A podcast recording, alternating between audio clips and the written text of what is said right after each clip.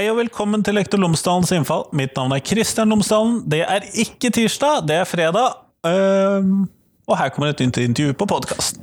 Dette intervjuet er et uh, veldig annerledes intervju enn vanlig, fordi at dette her er opptaket fra live-podkast-eventet jeg hadde på Hyssingen produksjonsskole i Bergen uh, nå på tirsdag som var. Så for det første så kommer dette grisefort ut i publisering, og for det andre så ble det gjort med publikum til stede. Uh, og for det tredje så er det to intervjuer i ett. Det vil si, jeg har først et intervju og så et intervju. Og for det fjerde så er det med kulturelt innslag i midten. Sånn at uh, mange ting å peke på her med dette intervjuet. Først så kommer det et intervju med Anne Sofie Sagstad og Christian Helgesen, fra, som er elever ved Hyssingen produksjonsskole. Og med de så snakker jeg om hvordan uh, de havnet der de er, hva de syns er bra med Hyssingen, hva de gjør der, uh, hva den offentlige, vanlige skolen kan lære av en skole som Hyssingen, og mer. De får selvfølgelig også et spørsmål om de, hva de vil ta ut av den norske skolen. De får også lov, dvs. Si Anne Sofie får lov til å fortelle om det prosjektet hun holder på med nå, No Filter-festivalen, sånn at det får vi høre mer om. Så er det et lite kulturelt innslag. Da er det Anne Sofie som synger, og hun har med seg Jarle Nilsen på gitar. Og så går vi over til å snakke med Baste Bruarøy. Han er daglig leder på Hyssingen produksjonsskole.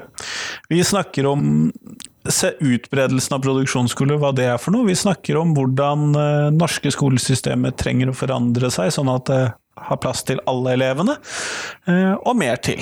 Baste Brøarøy har tidligere vært på podkasten, sånn at han er en tilbakevendende gjest. Men han har mye nytt å bidra med også i dette podkastintervjuet. Men her i hvert fall får du livesendingen fra tirsdag. Vær så god.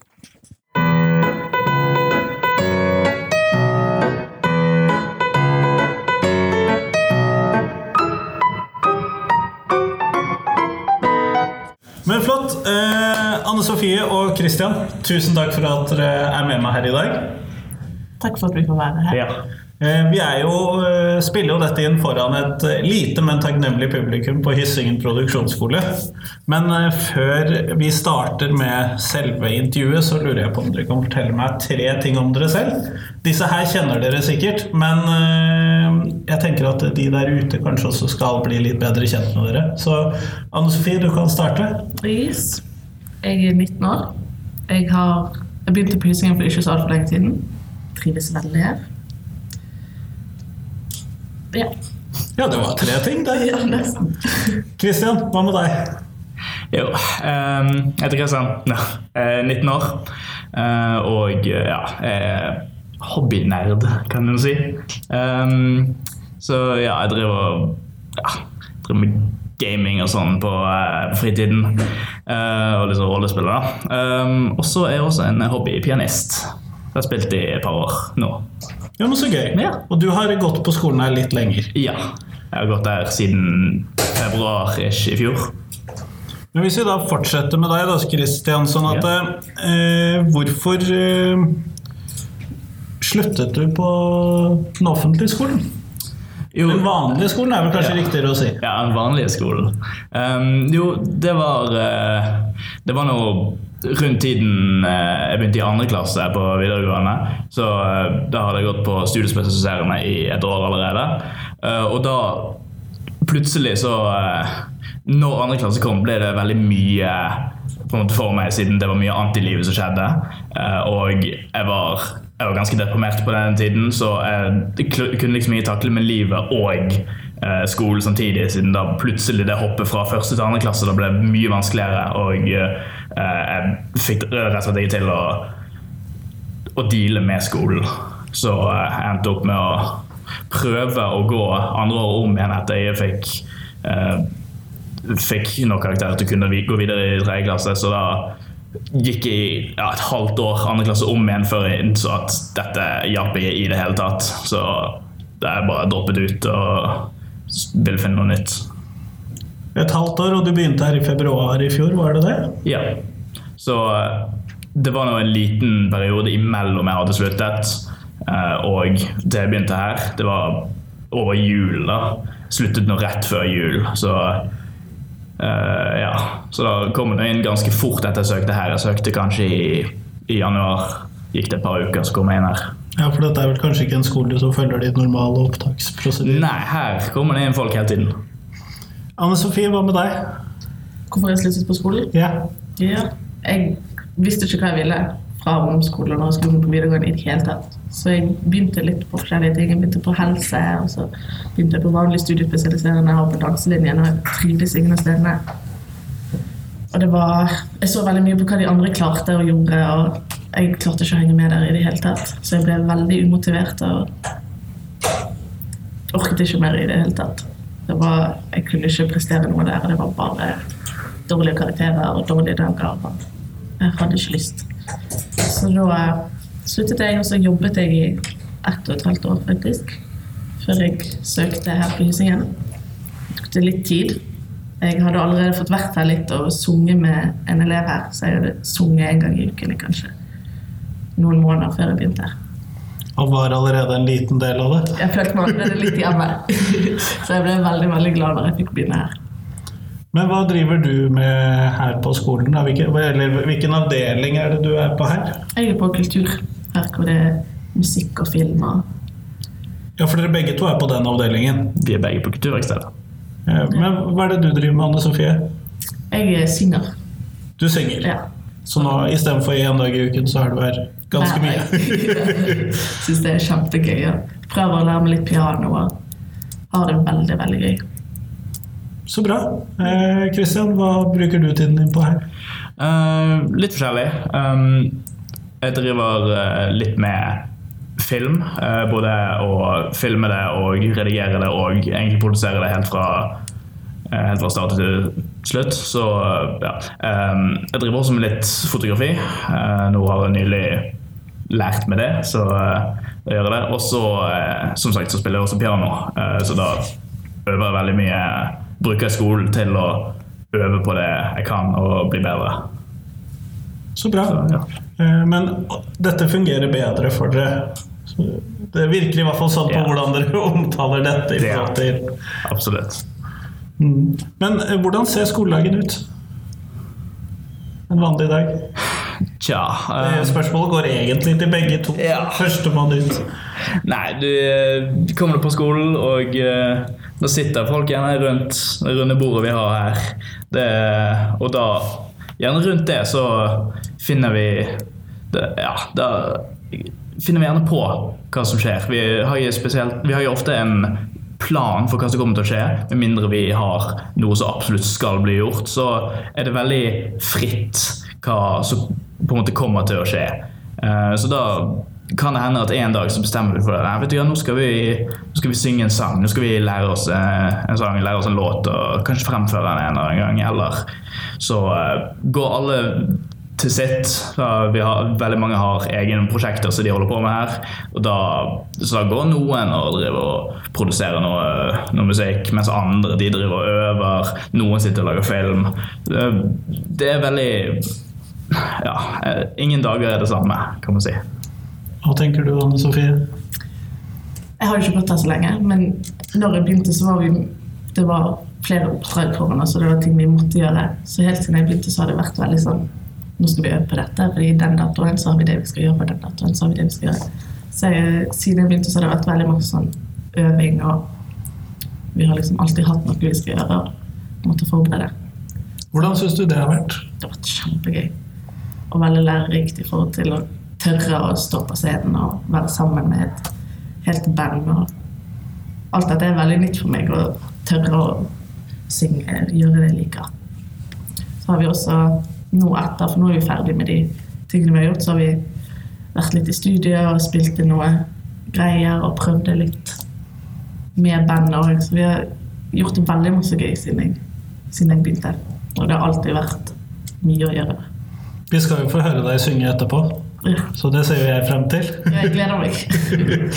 Eh, Men når man da har en skole som har en såpass annen struktur som eh, denne skolen har, eh, og det i hvert fall ser ut som det funker bedre for dere at skolen er sånn, Men hva tenker dere at eh, den vanlige videregående skolen kan lære av Hyssingen, hvis vi tenker på både struktur og fag og innhold og den type ting? Og det er kanskje et stort spørsmål, men Anne Sofie, om du hadde lyst til å begynne?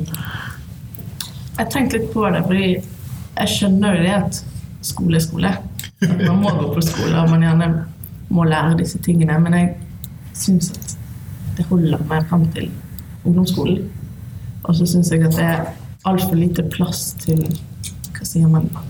Altså individer. Altså det er altfor lite plass til å være seg sjøl og være flink på det man er flink på. Det blir liksom Alle har jo hørt den derre hvis man dømmer en fisk ut ifra å klatre et tre, så vil fisken alltid føle seg dum. Jeg føler det er veldig sånn offentlig skole. Ingen Selvfølgelig, det funker for noen, men det er mange som sitter der og føler at de ikke får til noen ting.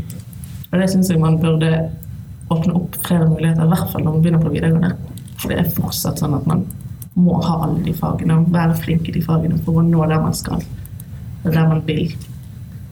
Og det, jeg syns ikke alle trenger å bli leger og sånn advokater og høye, høyere utdannelser. Det, det er ikke alle som vil det. Det er masse andre gøye muligheter, men det er veldig lukket for det. Ja, for det har jeg tenkt på av og til. fordi at eh, Jeg syns jo det er hardt nok å skulle kunne fagene mine som jeg skal undervise godt nok, men elevene skal jo ha de fagene mine pluss alle de andre fagene i tillegg. Det er jo ganske mye man må sette seg inn i. Veldig masse. Hva tenker du Kristian, om eh, hva kan den vanlige skolen lære av en skole som Hyssing? Um, jeg tenker eh, det En ting som jeg syns Hyssingen fall gjør veldig bra, er det at uh, det introduserer alle som går her, til mange forskjellige typ f- Altså ja, mange forskjellige typer linjer man kan gå, eller mange uh, mange praktiske veier å, å løse oppgaver, eller løse problemer på. Um, med det at jeg gikk inn her og kunne ingenting som jeg egentlig driver med akkurat nå. Altså, jeg, jeg, var, jeg, jeg hadde redigert et par videoer her og der, sant? men nå får liksom Etter å ha gått her har jeg blitt introdusert til det å, å lage film sånn, og, og drive og filme. Så ut ifra det jeg fant ut at jeg syns det er veldig gøy å holde et kamera og både eh, å finne ut hva det er vi skal filme, og finne ut hvordan vi skal filme. Det, det hadde jeg liksom aldri funnet ut på videregående. Uh, og hvor på en måte gøy det er å lage ting og produsere ting. Eh, samtidig så har jeg også fått smak av musikk som jeg er blitt i siste veldig veldig glad i, og så jeg også kommer til å gå videre med nå. Det er også noe jeg liksom aldri føler jeg hadde merket på, eh, på videregående. Da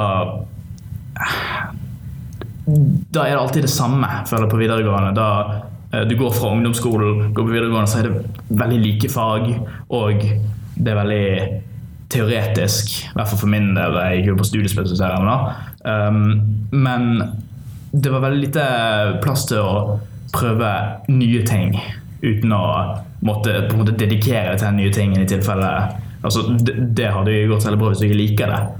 Så, men her så kan du prøve ganske mye og gjøre det på en måte så mye du vil. Hvis du ikke liker det, så trenger du ikke å gjøre det.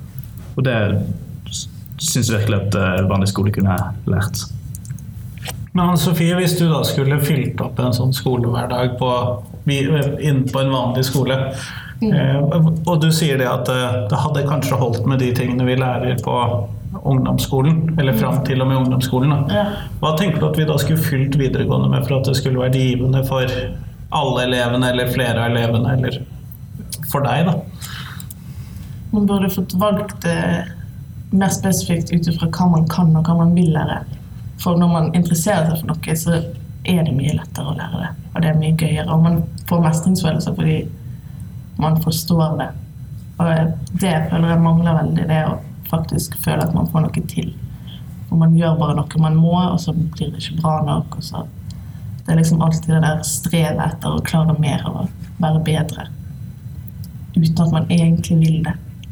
Mens hvis man faktisk vil noe, så, så er det mye lettere og mye gøyere.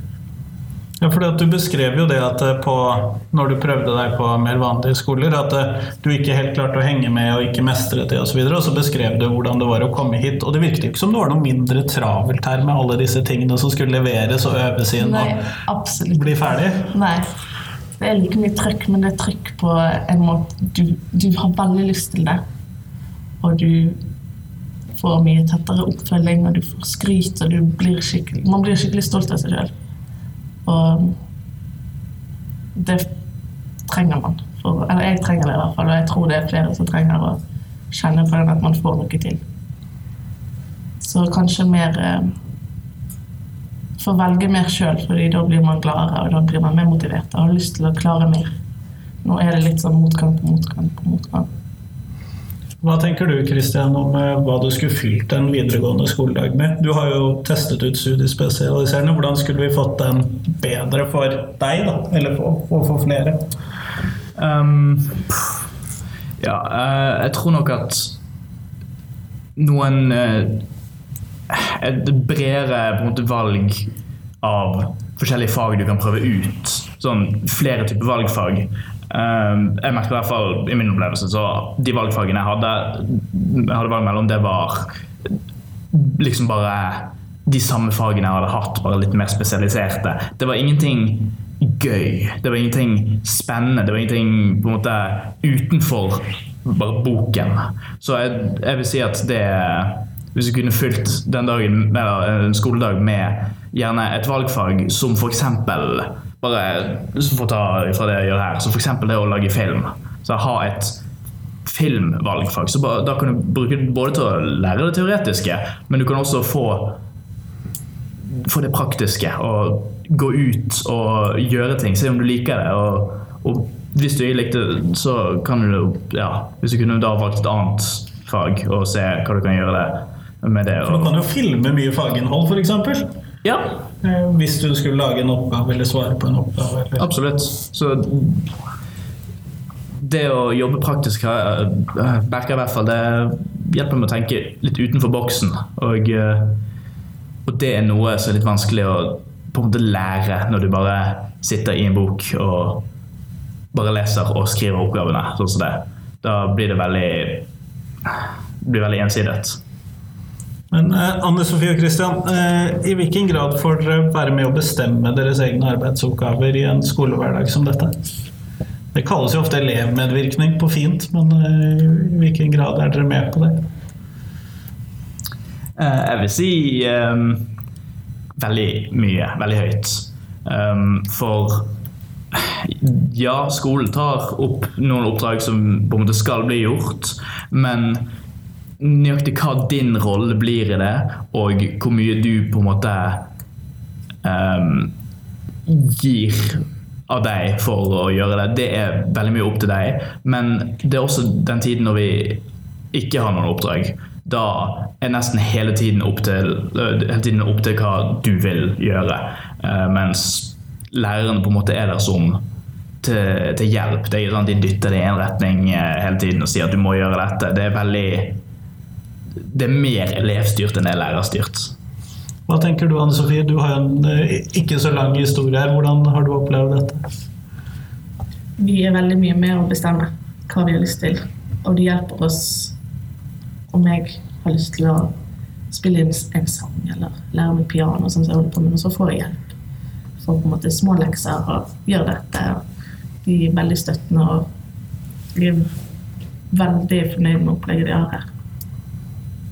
Dytter deg videre i din retning, kanskje? Ja, veldig motiverende. og Du får til det vi vil. På en måte det Ja.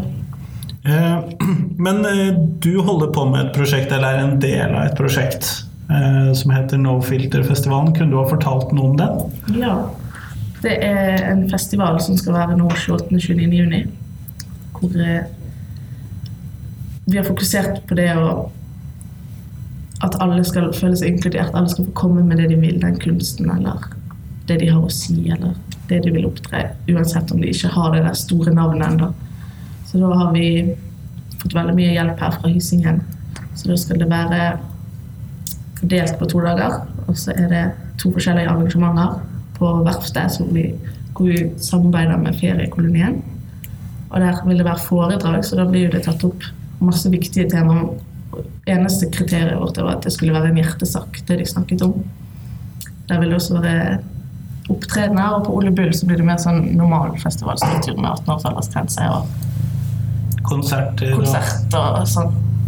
Så vil det være kunstutstillinger, og det er liksom Det skal være åpent for eh, all type kreativitet så lenge det er noe man brenner for. Man trenger ikke å være superstjerne for å være med. Så det er et veldig fint eh, Det blir kjempekult, og det blir veldig gøy, men det er også en veldig fin mening bak det. Hvordan har det vært å være med på å lage din egen festival, eller deres egen festival, da, kanskje er det riktigere å si? For dere er jo en gruppe elever. Hvordan har det vært? Det har vært kjempespennende, men det har vært så mye mer jobb enn jeg trodde. Jeg tenkte det var å samle noen artister og spille her, men det er jo ikke det. Så jeg har lært veldig, veldig mye. Jobbet veldig, veldig mye. Og eh, vi, det er også en mestringsfølelse. For eh, vi får noe til som blir superkult. Og eh, det vil interessere veldig mange. Jeg skal jo selvfølgelig putte ut en lenke til denne festivalen eh, i shownotesen, for det syns jeg absolutt at den fortjener. Ja, det er kult. Hva slags prosjekter er det du holder på med for tiden, Kristian? Akkurat nå så uh, har jeg ja, igjen litt av hvert. Jeg har en film, jeg jeg har en film som jeg holder på, som jeg holder på å lage. Uh, Jeg har også flere Jeg har også nettopp vært på i et fotostudio og tatt noen bilder der, og de bildene vil jeg gjerne bearbeide. Det er, det er stort sett bilder av medelever som uh, de gjerne har lyst til å bruke. Så jeg har mye å jobbe med der. Flere hundre bilder. Og og så er det også bare generelt musikk og bli bedre der, lære nye ting og bare få til å øve, egentlig. Så ja, blir nå litt opptatt de neste ukene før sommer. Ja, for det blir sommerferie. Det blir veldig snart. Jeg må jobbe, jobbe ganske effektivt for å få det til, men eh, Ja, for nå Filterfestivalen foregår jo etter at sommerferien har begynt. Ja, det er sant. Den blir midt i, midt i sommerferien. Så da strekker man jo skoleåret litt lenger. Altså. Det er så gøy at det er bare fantastisk. Ja. Er det noen spesielle ting du gleder deg til på festivalen som du får, Eller får du sett på den i det hele tatt, eller må du løpe rundt i kulissen? Jeg håper på å få se på. Det håper jeg veldig på. Vi har jo et bra opplegg, så det skal jo gå smooth. Satser på det. Så eh, jeg gleder meg veldig til å se alle. Skal spille der sjøl med bandet mitt. det blir veldig gøy. Så det gleder jeg meg veldig til. Gleder meg til å se de jeg kjenner opptre og kunst. Jeg gleder meg til alt. Det går ikke an å peke ut noe jeg gleder meg mest til, egentlig. Jeg har et eh, spørsmål som jeg stiller til de som kommer på podkasten min, eh, og som jeg alltid avslutter med. Så jeg tenkte vi skulle ta før du skal få lov til å spille litt musikk. Eh, Og det er hvis noe skal ut av skolen, hva er det dere tar ut? Det, det, hvis dere skal ta ut én ting, hva er det dere tar ut som den første tingen? Eh, Anne Sofie, du har fått litt mer tid til å planlegge svaret ditt på dette enn Christian, så jeg tenker at du skal få lov til å Jeg har jo det. Jeg har jo det. Hva ryker ut av skolen? Hva ryker ut av skolen?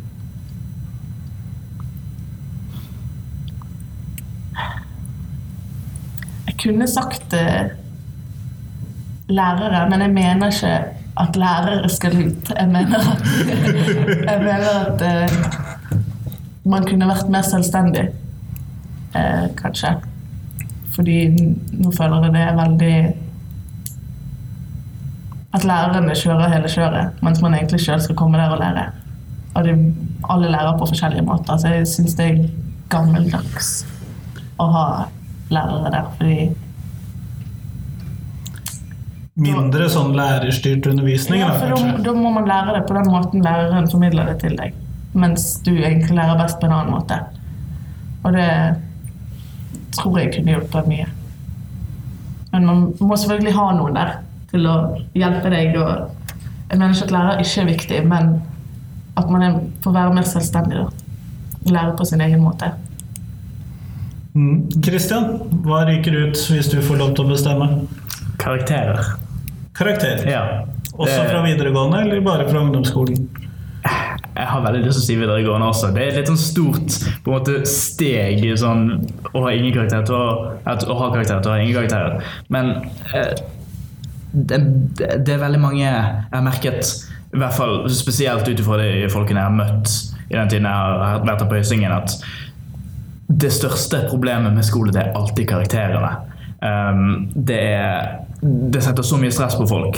Du må få en sekser, eller du må få over Du må få i hvert fall fire eller opp. Sånn. Ellers, så, eh, du, ellers så gir det verdt noe, liksom. Eh, Og det, det er så mange som uh, som bare ofrer så mye av fritiden sin bare for å få eh, de høye karakterene. Og samtidig så gjenspeiler de karakterene veldig sjelden hva elevene kan. Eh, siden de kan få De kan være ekstremt god i et fag, ekstremt kompetent i et fag, men de kan ha hatt f.eks. en dårlig en dårlig eksamen, så da ender det plutselig opp med at jeg har så god karakter. Fordi at akkurat den eksamen var på et tema de hadde. Um, men hvis i stedet for det hadde vært noe som noe mer, en mer personlig evaluering fra lærere, så det, kan man mye lettere finne ut hva elevene kan, og, og, og hva de ikke kan, og hva de er gode til. Um, som om de f.eks. er gode til å lære fort, eller om de er veldig gode praktiske, eller om de Alt dette her. Uh, det er ikke noe karakterer sier om deg. De karakterene, Da er det bare en, et tall, og du er det tallet. Du er verdt mer enn det tallet til uh, videre skoler eller til, eh, til jobb. Du, de ser på de ser veldig mye på bare det tallet som læreren skrev at du er verdt. Eh, Så ja, jeg liker ikke karakterer. Så jeg vil, eh, jeg vil at det skal vekk. Nettopp. Kjempeflott. Mhm. Tusen takk. Eh, Anne Sofie, da skal du få lov til å bytte mikrofon. Yes.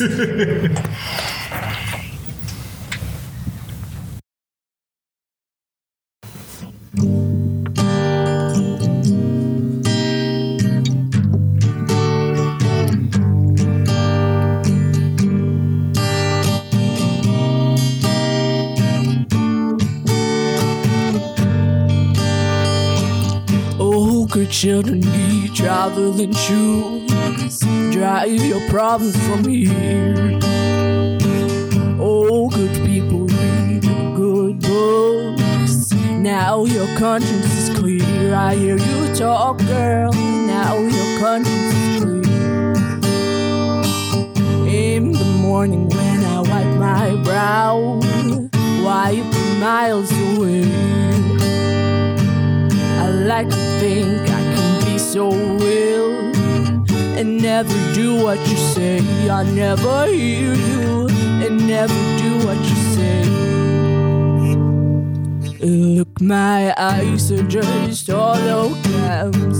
Look, your love is not read from my hands. From my hands, you know you never be more than twisting my sobriety. More than twisting my sobriety. Than twisting my sobriety.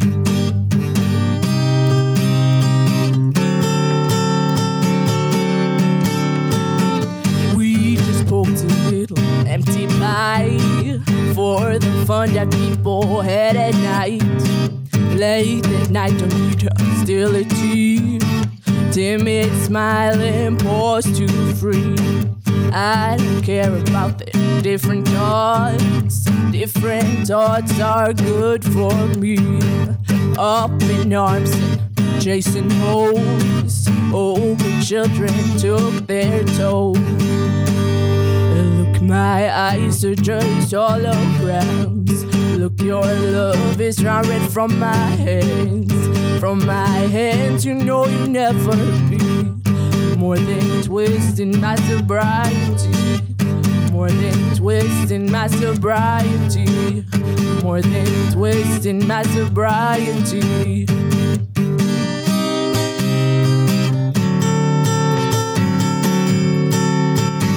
cup of tea takes time to think, yeah. Time to risk a life, a life, a life. Sweet and handsome, Soft and porky, you pig out till you see the light. Pig out till you see the light. Half the people read the papers, read them good and well. Pretty people, nervous people, people have got to sell. News you have to sell. Look, my eyes are just holograms. Look, your love is drawn red from my hands. From my hands, you know you never be more than twisting my sobriety. Look, my eyes are just holograms. Look, your love is drawn red from my hands. From my hands, you know you never be more than twisting my sobriety. More than twisting my sobriety. More than twisting my sobriety.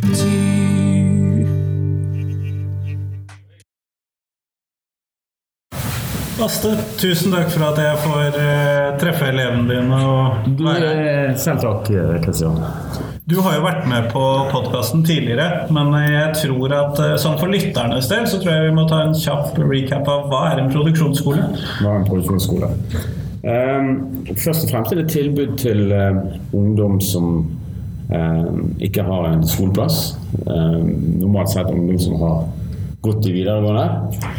Så kommer inn til oss for å få en ny mulighet. Og, ja, produ- det ligger litt i navnet. Vi, vi produserer ting. Ehm, så det er en reell produksjon som foregår her, som en, del av, eh, som en viktig del av vår metode. Da. Ehm, så for å prøve å forklare det. Vi er en skole som ikke er en skole, vi er en bedrift som ikke er en bedrift. Vi ligger, vi ligger et sted midt imellom. Ehm, og, det, og det jo forklart her for ungdommene at det er en fordeling mellom oppdrag vi tar på oss, og, og en, eh, man har anledning til å dyrke sine egne interesser. Og, og, ja, særlig kanskje på de to kreative verkstedene våre. Fordi, fordi vi har jo fire verksteder. På det samme matfag og bygg så er det kanskje mer fokus på, på prosjekter, oppgavene våre og bestillinger og sånn, men på de to andre så er det en fin blanding av Design og håndverk og medier. design og og kultur som, som vi er på i dag, Ja. Eh, Men er det Er produksjonsskoler en utbredt ting i Norge? Eh, det begynner å komme. Ja, nå har vi to i Hordaland. Eh, vi åpnet opp en ny avdeling i Ulvik nå i høst. Eh, og så starter de nå opp i Rogaland og i Trøndelag.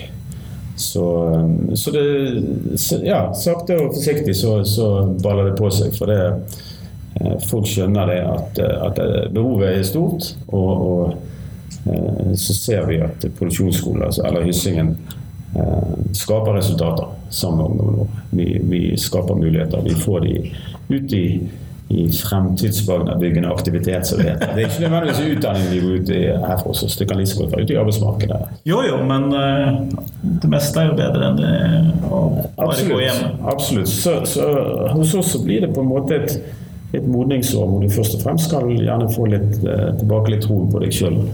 og litt egenverdi og, og, og de tingene der gjennom å oppleve den mestringen som ble fortalt om. Og, Ja, for det var jo Anne Sofie og Christian veldig tydelige på at eh, det var noe de mestret og fikk til og lærte.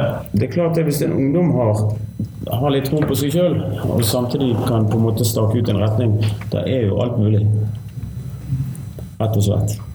Så er jo det da eh, Selvfølgelig skal vi bidra og hjelpe de videre, men, de, men det, det, det ønsket og det valget, det, det er jo noe som skal komme innifra.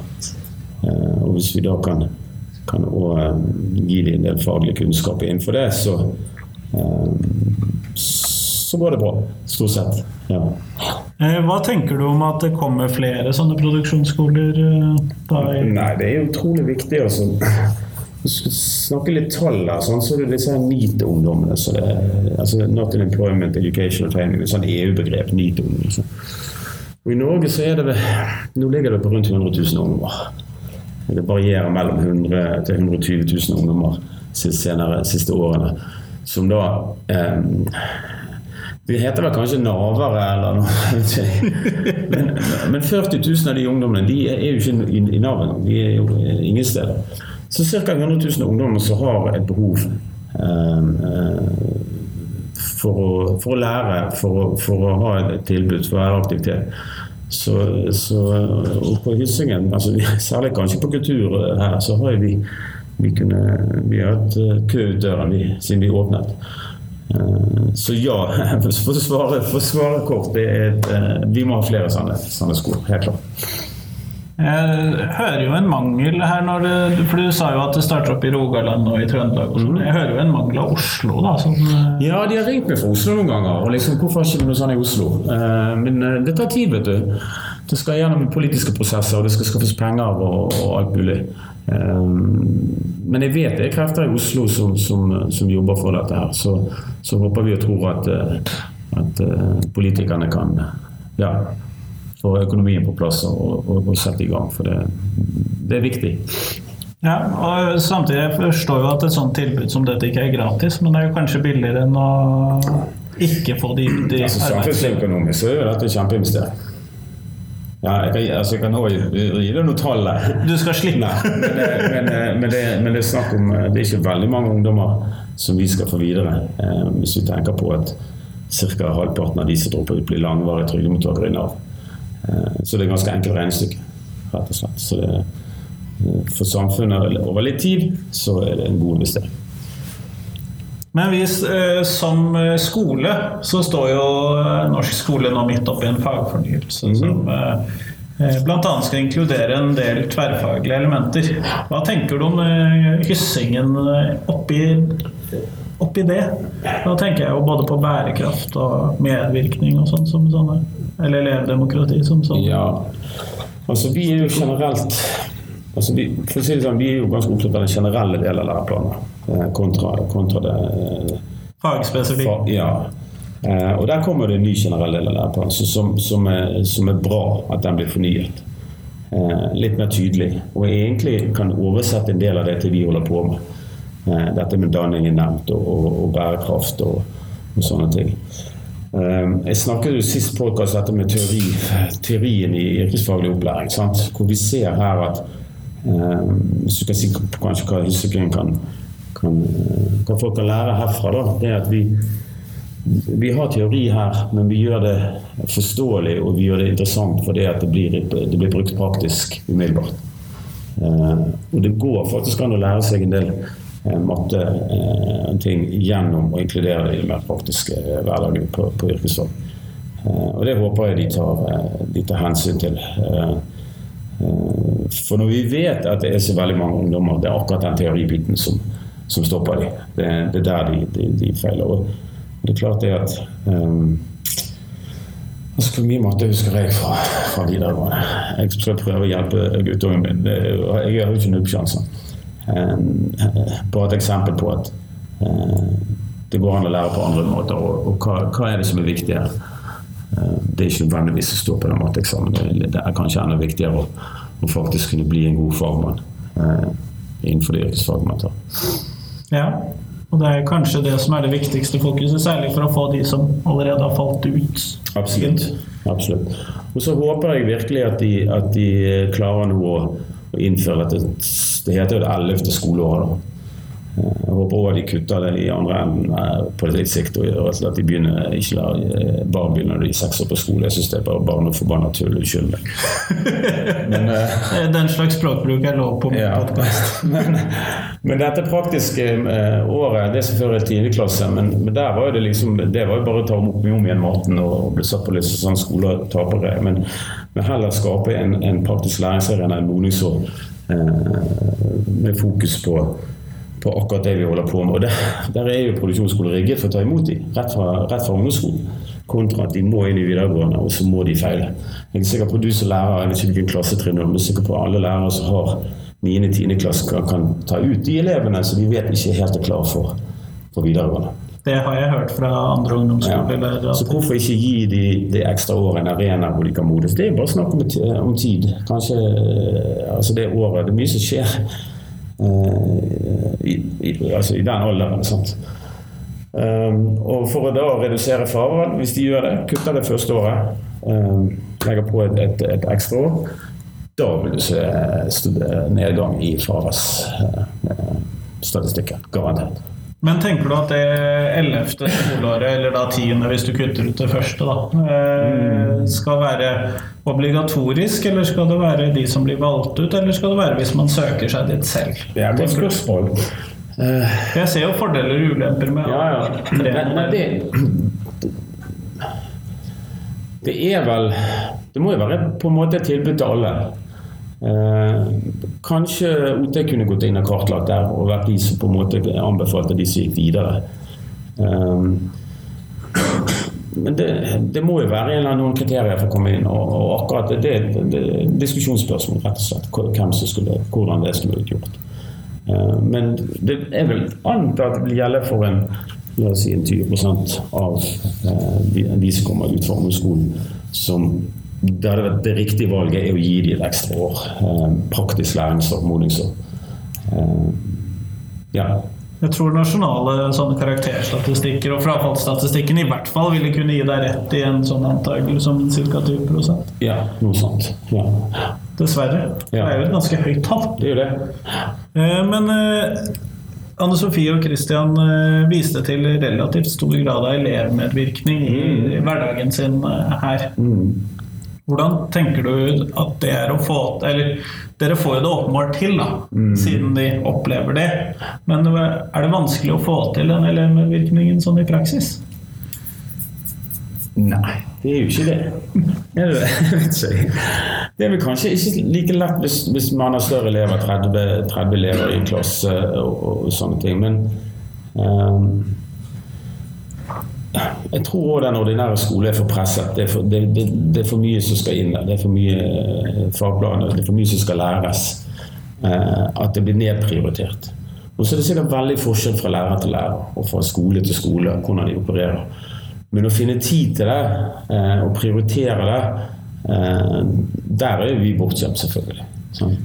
Men medvirkning, hva er medvirkning? Sant? Altså det, eh, det handler jo om at de på en måte blir sett, og at de, at de har en stemme. Eh, og at de eh, får lov å utvikle seg sjøl. Samtidig så for oss er det kanskje enda viktigere dette med arbeidsfellesskap og sånt. Og at medvirkningen skal på en måte være eh, det er vi. sånn, det er ikke det nødvendigvis individet som skal medvirke, men det er, det er fellesskapet på de ulike verkstedene. Eh, og så skal man nå dyrke den eh, enkeltes kreativitet innenfor de rammene der. Vi gir ett eksempel på medvirkning her. Er, vi har ikke satt ut i praksis, da, men eh, eh, Rudi som sitter her borte, eh, og jeg, vi har en idé om at hvis vi nå får midler, vi ønsker å ansette en miljøarbeider på skolen, sånn, eh, da tenker vi at da skal eh, to av ungdommene eller noen fra ungdomsrådet vårt være med på de intervjuene i den prosessen for å ansette den miljøarbeideren som skal jobbe med. Det tenker vi er god medvirkning. Jeg vet ikke om det er blitt gjort før. At, Nei. at elever har vært med. Men, men tanken er ganske interessant. da. Jeg har hørt at Elevorganisasjonen har ønsket at det skal gjøres tidligere, Ja, ja. men eh, jeg tror, vet ikke om det har skjedd. og jeg vil ha siste ordet uansett, da. Eh, sånn sett. Men, men det er klart det eh, eh, Det vil være en, en fin ting å gjøre. Og det vil være en riktig ting å gjøre. For det, tenker vi til miljøarbeidere som skal jobbe sammen med ungdommene, sånn, så, så er det de som må på en måte eh, kunne være med og, og, og, ansette den personen basert på ja, hvordan de treffer eh, de. Sånn. Så det, det er en sånn ting som vi, vi tenker vi, vi skal teste ut hvis vi kommer så langt. Vi må bare gi oss noe mer penger til, til det. dette vi, ja. Ja, Men hvis du skjønner hva jeg mener, så, Ja. så det, det, det er et godt eksempel på medvirkning. Da er de med på, på en sånn prosess. Eh, Men du sa også det i stad, at eh, skolene er presset fordi at allting skal inn, og det skal mm. fylles med ting, og de har for mange elever osv. Men, eh, og jeg skal rett og slett, eh, uten å ha varslet deg på forhånd, gi deg det samme spørsmålet som jeg ga til eh, Anne Sofie og Christian. Hvis noen skal ut av skolen, hva er det du tar Oi, ut? hvor skal jeg begynne?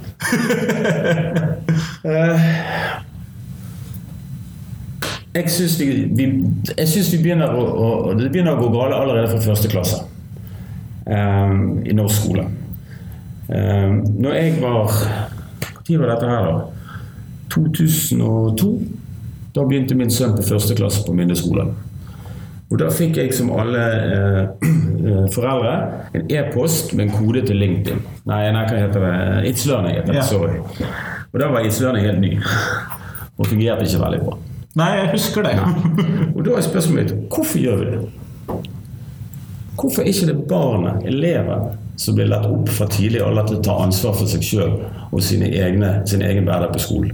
Hvorfor skal den gå til meg som forelder? Vi vet jo hva det gjør, hvordan det utligner, eh, eller hvilke forskjeller det gjør eh, med, med, med hensyn til, til sosiale eh, sant? Altså, barn som kommer gjerne fra, fra, fra hjem som ikke fungerer ordentlig. Og sånne ting.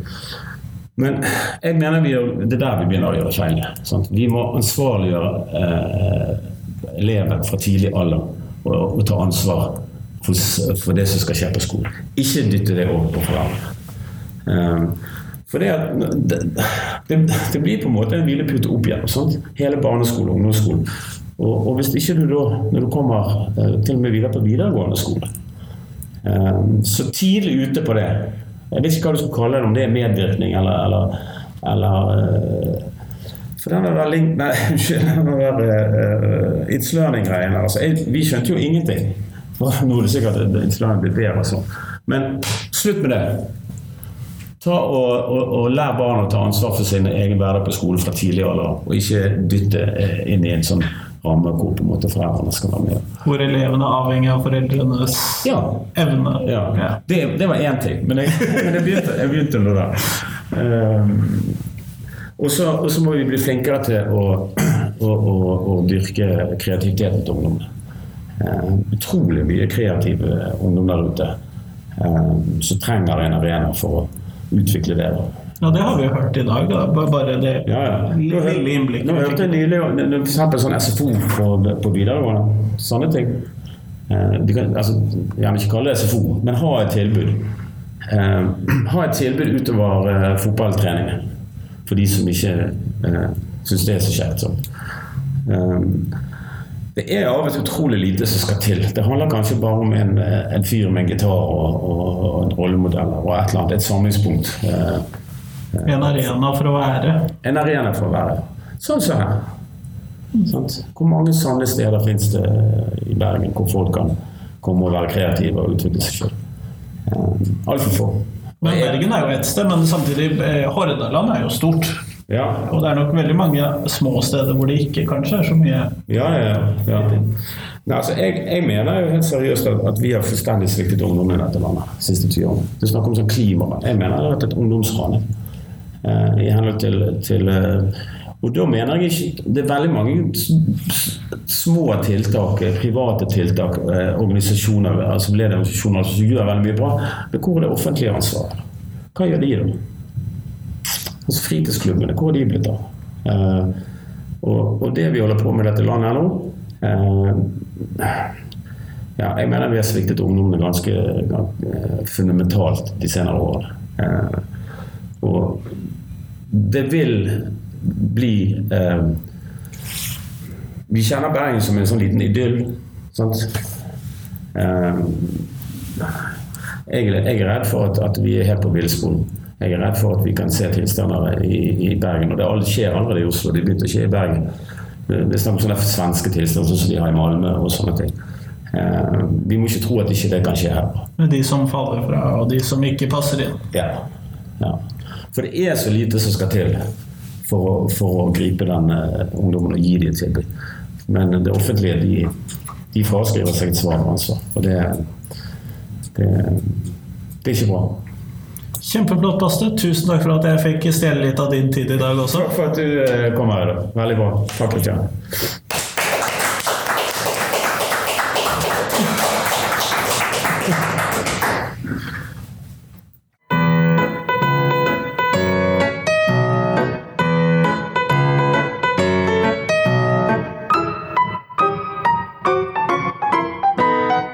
Tusen takk til Baste, tusen takk til Anne Sofie, Christian og til eh, Jarle. Da tror jeg jeg har fått med alle. Og selvfølgelig tusen takk til deg som har hørt på. Nå er det ikke så mange dagene til neste podkastepisode, fordi at den kommer jo selvfølgelig som vanlig på tirsdag. Eh, sånn at det er ikke så lenge å vente til neste podkastintervju. Eh, det blir da selvfølgelig et vanlig intervju igjen, og det har ligget ute ganske lenge hva det skal være, sånn at der kommer det ikke noen overraskelser.